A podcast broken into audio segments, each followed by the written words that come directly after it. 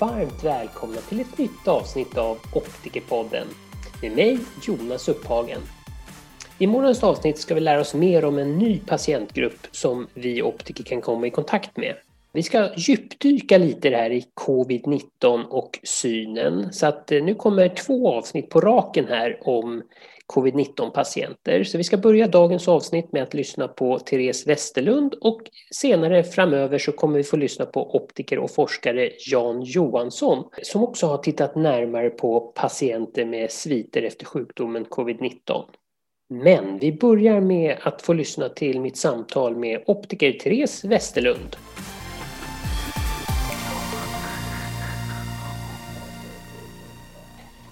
Men då börjar vi helt enkelt bara med att jag säger hej Therese och välkommen till Optikerpodden. Tack så mycket för att jag får vara med. Ja, jag är jätteglad för att du tar dig tid att prata med mig så här. För jag har ju förstått att du jobbar ju i ett jättespännande område. Ja, det stämmer. Jag jobbar mycket med covid-19 patienter som har haft det, som har problem med ögonen efter sin sjukdom. Ja, det där låter ju jättespännande. Det skulle jag vilja veta mer om. Men vi kan väl börja med att du presenterar dig själv så att lyssnarna vet vem jag pratar med. Ja, jag heter ju Therese Westerlund och jobbar som optometrist på Optiker Almo i Linköping. Jag är faktiskt född i ett eh, optikersläkte, optiker Neumann. Eh, min morfar Otto Neumann kom från Tyskland på 20-talet till Sverige och sen så blev alla hans fyra barn optiker, varav min mamma var en av de första kvinnliga utbildade optikerna i Sverige. Och sen blev min bror och jag optiker. Jag eh, gick grundkursen i Borensberg och sen gick jag DO i Stockholm 2013 och sen tog jag min magisterexamen 2017 i Stockholm. Yes, men då är du en av de här optikerna som har fötts in i optikbranschen. Ja, det kan man säga. Jag har hängt mycket i butiken. Framförallt när man var sjuk så fick man inte ligga hemma med mamma utan man fick ligga på verkstaden. på en filt fick man göra och hänga med där. Okej, okay, jag förstår. Men du sa här att du jobbar med patienter som har haft covid-19. Eh, hur kommer det sig att du har kommit in på den här biten?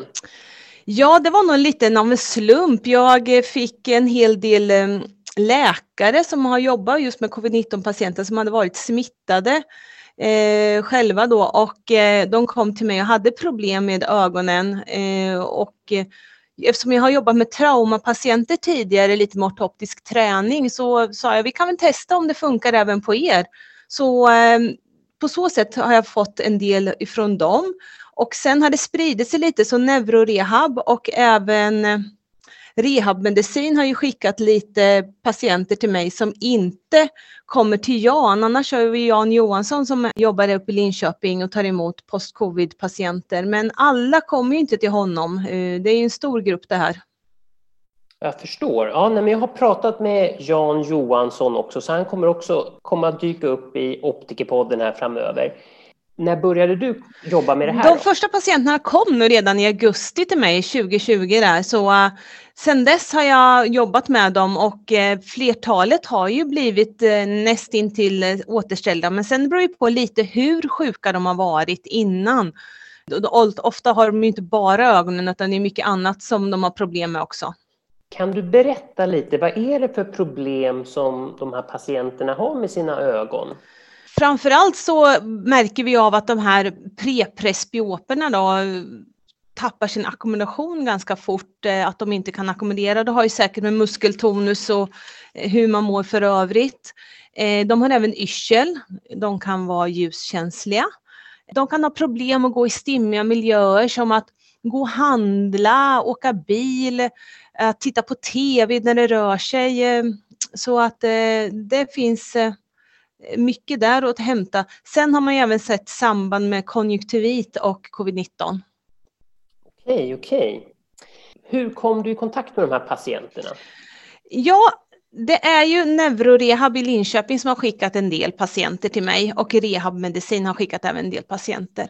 Sedan så finns det ju Facebookgrupper på, som eh, finns, figurerar på nätet med post-covid-patienter och där har mitt namn tydligen figurerat lite så jag får folk som ringer eh, både från Stockholm och Malmö och så till mig och vill ha hjälp. Så att eh, det, det kommer lite från olika håll, både via, vad ska man säga, via sjukhuset men även eh, på internet.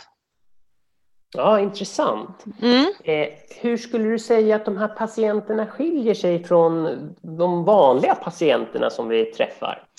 Många är ju väldigt ljuskänsliga och ljudkänsliga.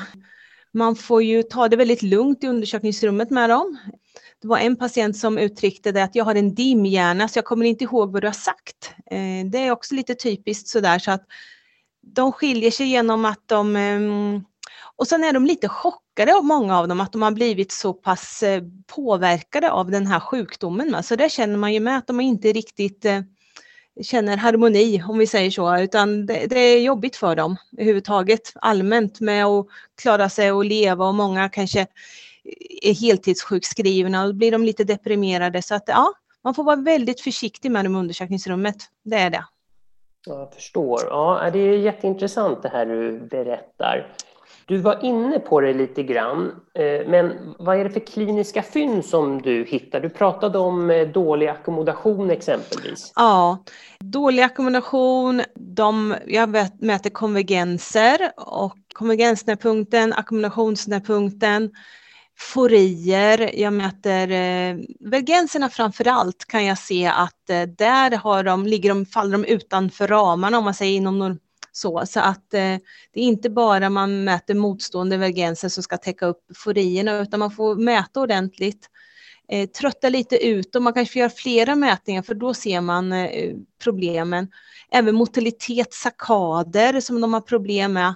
Så att eh, ja, man får göra lite olika tester på dem och ingen är den andra lik så att de är, skiljer sig alltid lite åt. Så är det. Nu, jag, nu frågar jag för en kompis. Vad är vergenser för någonting? Jag brukar säga så här till patienterna när jag ska mäta vergenser, att jag ska mäta hur, hur mycket kraft du har i dina muskler. Jag drar ditt öga åt ena hållet, du drar ditt öga åt andra hållet och så ser vi vem som vinner. Det är som att bryta arm ungefär. Så brukar jag förklara när jag möter vergenser. Jag kollar muskelkraften i, i ögonen brukar jag säga till dem. Prismastav använder jag när jag gör det, för jag tycker det är enklast. Ja, jättebra. Ja, men, eh, jag kan väl erkänna att jag, jag är inte helt bekväm med den ortoptiska träningen där. Jag har tappat det lite grann måste jag erkänna. Ja, och det är ju så, man måste prova och börja smått och sen så eh, får man utvidga när man känner sig säker. Man lär sig jättemycket genom bara att mäta och titta. Så är det. Du sa tidigare att de här patienterna påminner om patienter som har trauma eller utmattningssyndrom. Ja, det gör de. De, eh, de är väldigt lika. Just det här med hjärntröttheten, eh, det är väl det som de har och sen vergenser, traumapatienter har också problem med vergenserna, växling mellan nära och långt håll har många problem med. Jag testar även eh, vestibulär okulär reflex, VOR, där jag har ett kryss på väggen och så ber jag patienterna titta från, man håller blicken fäst på krysset och så rör de huvudet i sidled. Jag ber dem röra ungefär en tio gånger och så ber jag dem stanna och så brukar jag fråga om, om de är yrsliga eller om världen snurrar runt. Så där har du också en eh, stor, så mycket påverkan på VOR-reflexen där. Eh, jag skulle vilja få en bild över hur de här besöken ser ut. Så att det börjar med, om jag har förstått det rätt, att du eh, samlar på dig information om deras ögon, mäter olika saker. Men sen ska vi försöka få de här bättre också. Hur, hur, vad kan vi göra för att få de här patienterna att må bättre? Ja, jag kan ju börja lite med hur eh, hur jag gör då? När de bokar en tid hos mig, då har jag färdiga papper som jag mejlar hem till dem. Där det står mycket om vilka symptom de har haft, frågar jag om, vad, vilka läkarundersökningar de har gjort, vilka medicinska tester de har gjort uppe på sjukhuset. Eh, jag använder även en SIS-skattning där det är, det är en skattning som beskriver de binokulära problemen eller läsproblemen på nära håll. är det, Så där får man ett poängsystem som är väldigt eh, bra att använda sig av. Så där kommer de här färdiga, kommer till mig. Sedan gör ju jag en synundersökning, en vanlig grundlig synundersökning.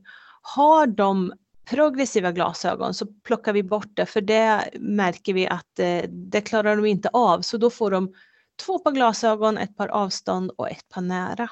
Sedan så gör jag de här mätningarna efteråt. Jag mäter vergenser, jag mäter konvergensnärpunkt, ackumulationsnärpunkt.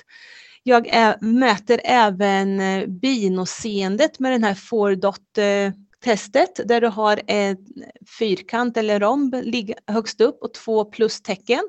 Sen har man en cirkel där nere och den ska ju vara vit om man har ett stabilt binokulärseende.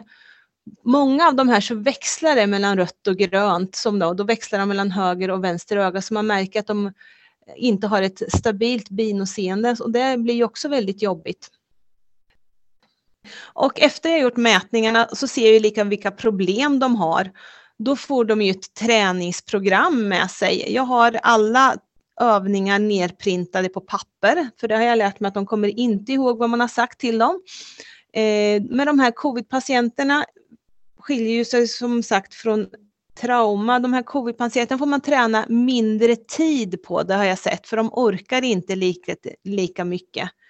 Eh, och det handlar om 30 sekunder till en minut på varje övning och kanske max två olika övningar som de får med sig. Eh, efter en 6 till 8 veckor så brukar de komma på ett återbesök till mig. Eh, jag mäter igen vergenser, jag kollar av hur övningen har funkat att göra. Eh, är det någon övning som de tycker att den här fungerar bra och jag känner inte någonting av den, ja men då kan jag lägga på en lite svårare övning och jag kan lägga på mera tid. Ibland har vi även haft bara ett telefonsamtal däremellan för att de inte vill komma in i de här tiderna eller de har långt att resa. Efter åtta veckor, så brukar 68 veckor som kommer de på återbesök och då får de nya övningar som sagt och efter det så har jag ytterligare ett besök eh, åtta veckor efteråt. Då brukar jag säga ett avslutande besök så totalt brukar det vara tre besök de hos mig. Och det första besöket tar nästan en och en halv timme och sen är de bokade på 40 minuter de andra två gångerna. Efter avslutande besök så får de göra får de ett eget träningsprogram, alltså nedtrappningsprogram har jag gjort och gett till dem. Jag har märkt det att allting man ger dem är väldigt viktigt att de får på papper, på print, för att eh, de kommer inte ihåg och det är lätt för dem att bli stressade om de inte eh, gör som, ja, som man har sagt, att, eller att de inte kommer ihåg vad man har sagt där. Så allting är på papper de får härifrån. Jag förstår. De här, eh, jag som är lite, eh, inte har jobbat så mycket eller faktiskt inte jobbat någonting alls med ortoptiska övningar. Du säger, du, har, du skriver ner de här instruktionerna på mm. papper. Mm. Hur många olika träningsprogram är det? Oh, jag har väl en 20 olika övningar tror jag, beroende lite på vad, eh, vad de har för problem. Men jag kan säga nästan alla får Brock Strings, eh, det här med kulan på snöret med att man eh, har push-up, man drar kulan sakta fram emot sig, man hoppar kulan både emot sig och eh, horisontellt och även en växlingsövning där du tittar på ett papper på nära och så har du ett papper med bokstäver på väggen en 4-5, ja 3-4 meter bort så man växlar mellan nära och långt. Den, de två är de första övningarna som nästan alla får. Sen den här vestibulära okulära reflexen, VOR, den här med krysset jag förklarade tidigare för, Känner man att man är väldigt snurrig så får man, kan man få även den övningen att man tittar på ett kryss på väggen och sen så eh, vrider man huvudet från höger till vänster och har blicken fast på krysset. Man, jag brukar säga att man säger nej och man säger ja, man gör det både horisontellt och eh, vertikalt där. Så det är de basic-övningarna skulle jag nog kunna säga. Vilka är de ovanligaste då? Vilken är det som man nästan aldrig gör? men som ändå eh, jag har lite där man det är väldigt ovanligt, men jag har någon som eh, hade, har problem, eller jag har, flera har ju problem med det här sidoperifera seendet, om jag, som jag brukar säga det, med en handrörelse som man sitter och står och viftar med händerna vid sidan om. Eh, och de blir väldigt obehagligt när det kommer någon vid sidan och rör sig och det kan man också träna bort en hel del. Eh, där man inte har någon kanske sambo eller så som kan stå och vifta. Så då har jag satt dem eh, framför tv 90 grader så man sätter på tvn så tv-bilden kommer från sidan och så sitter de och tittar på väggen och där har de eh, ett papper med lite bokstäver så ska de sitta och läsa det medan tvn är nära in på dem så de får en rörelse från sidan. Så den eh, har jag gjort också. Så det, det, finns lite olika. Sen är bara det här att gå ut och gå i skogen eh, är ju jättenyttigt. Att gå in bland träden, det, man kommer närheten också och man får fixera blicken på olika. Det, den, den får också många just för att må bra. Ja, nej, men det låter ja. som en, en övning som jag skulle klara av också. Ja, visst. Den, den träningen kan jag också ordinera antagligen. Ja, den, den är bra för alla tror jag. Ja, jag förstår. I samband med de här synundersökningarna som du gör, tittar du någonting på ögonbotten på de här patienterna? Nej, jag har inte tittat så mycket. Det är bara om jag misstänker någonting. De sitter ju som sagt nästan en och en halv timme första gången och de orkar inte mer eh, så. Plus att många är väldigt ljuskänsliga så då känner jag att det kanske man skulle avslutat med, men de är så trötta efter en och en halv timme så de mäktar inte med mer. Plus att de som kommer ifrån eh, sjukhuset, de har ju oftast genomgått en eh, grundlig undersökning där uppe så att eh, därav så bara när jag ser att det är någonting som påvisar att jag ska ta ett fundusfoto så gör jag det. Jag förstår. Ja, nej men eh, nu har jag faktiskt fått svar. Du har varit jätteduktig på att svara på alla mina frågor och du är så pedagogisk att det är så lätt att förstå också allting som du berättar. Ja, tack. Är det någonting som du känner att vi bör lyfta fram också kring den här patientgruppen? Ja, jag känner lite så här att vi kanske ska fråga dem när de kommer in. Många kanske inte förklarar att de har problem eller inte vet att det är kopplat till ögonen. Fråga alltid när de kommer in om de har, om de har haft covid-19. Har de problem med yrsel? Har de problem att åka bil, att det känns jobbigt? Eller problem att gå och handla, just det här eh, perifera seendet. Eh, och säger de att de har det, ha en liten lätt plan uppskriven. Jag har det på eh, ligger på anteckningar. Jag har en färdig liten anamnes då som jag klipper bara in i mitt eh, program där. Eh, så så ställer jag bra frågor och sen har lite färdiga övningar nedprintade så man känner sig säker på vad man gör. Man behöver inte börja så stort utan man kan börja bara med Brock Strings till exempel. Bara det kan ju göra jätteskillnad för vissa. Så börja smått och sen när man känner sig säker så utöka eh, dina övningar när du känner dig säker på vad du gör. Ja, nej men sånt där gillar jag. Lite, lite hands-on tips. Eh, om vi zoomar ut lite grann, har du något annat sånt där fint tips som kanske inte berör covid-19 utan har du något annat uppmaning till Sveriges optiker? gärna vara tydlig när man gör en undersökning. Vad förväntar man sig av ett par glasögon? Som progressiva glasögon, att de funkar i alla lägen men de är aldrig riktigt optimala någonstans. Utan ska du ha det bästa seendet då ska du ha olika glasögon för olika ändamål. Och det brukar jag säga till dem. Jag brukar förklara för dem så här att just de här patienterna som kommer in, som jag tar bort deras progressiva glasögon, då blir de lite, nej men jag vill inte byta glasögon, det är så jobbigt och allting. Men då brukar jag säga så här, men du har ju olika par skor. Du har ett par joggingskor när du är i spåret, du har ett par finskor och ett par vardagsskor. Du byter ju skor, varför skulle du inte kunna byta glasögon? Då brukar de förstå lite mera. Ja, jag förstår. Ja, men det var också ett bra eh, tips tycker jag.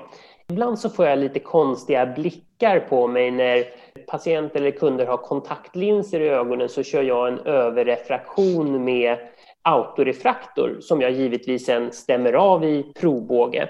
Men där får jag ibland lite konstiga blickar, att folk tycker att det är konstigt att man gör en överrefraktion med autorefraktor på ett par kontaktlinser. Eh, har du någon kommentar på det? Tycker du att det låter konstigt eller tycker du att det, ja, men det borde man kunna göra, det, det är inga konstigheter? Nej, det kan jag tänka mig att det är riktigt bra eh, komplement. Det ska jag nog faktiskt prova Jonas. Man ser väldigt lätt om de har monovision i sina linser exempelvis. Ja, absolut. Då som sagt, då har jag fått svar på alla frågor som jag hade. Eh, så att om det inte är någonting ytterligare som du vill lyfta fram så känner jag att vi börjar bli klara. Ja, tack så mycket. Får jag fråga, hur ser resten av dagen för dig ut nu då? Ja, men nu har jag lite patienter inbokade. På fredagar brukar det vara ganska mycket återbesök av trauma och eh, covid-19 patienter. De tycker om fredagar. Så att eh, på eftermiddagen brukar det vara fullt med sådana. Sen så eh, försöker jag faktiskt, många föräldrar vill att deras barn ska göra synundersökning fredag eftermiddag, men det försöker jag ta bort för jag märker att de är för trötta då, eh, så dags, efter en dag i skolan eller en hel vecka i skolan. Så att eh, där försöker jag styra om dem till mer början av veckan. Mm, men, men det blir bra. får du ha en trevlig arbetsdag idag då. Ja, du med. Ja, nej men då vill jag bara tacka dig igen, Therese, för att du tog dig tid att prata med mig i Optikerpodden. Tack för att jag fick vara med. Ja, tack själv.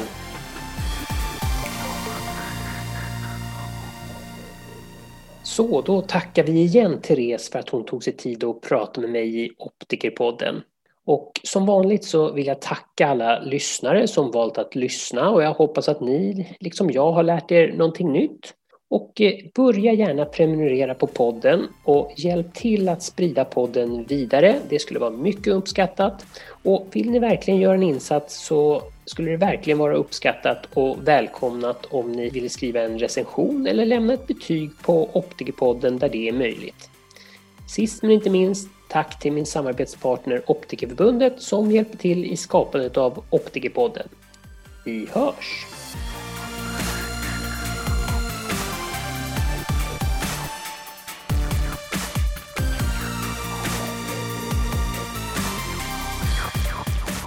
Eh, då var det åter dags för ett nytt avsnitt av Optikerpodden och i månadens avsnitt ska vi lära oss mer om en ny patientgrupp som vi optiker kan komma i kontakt komma i kontakt som I månadens avsnitt ska vi lära oss mer om en ny patientgrupp som vi optiker kan komma i kontakt med.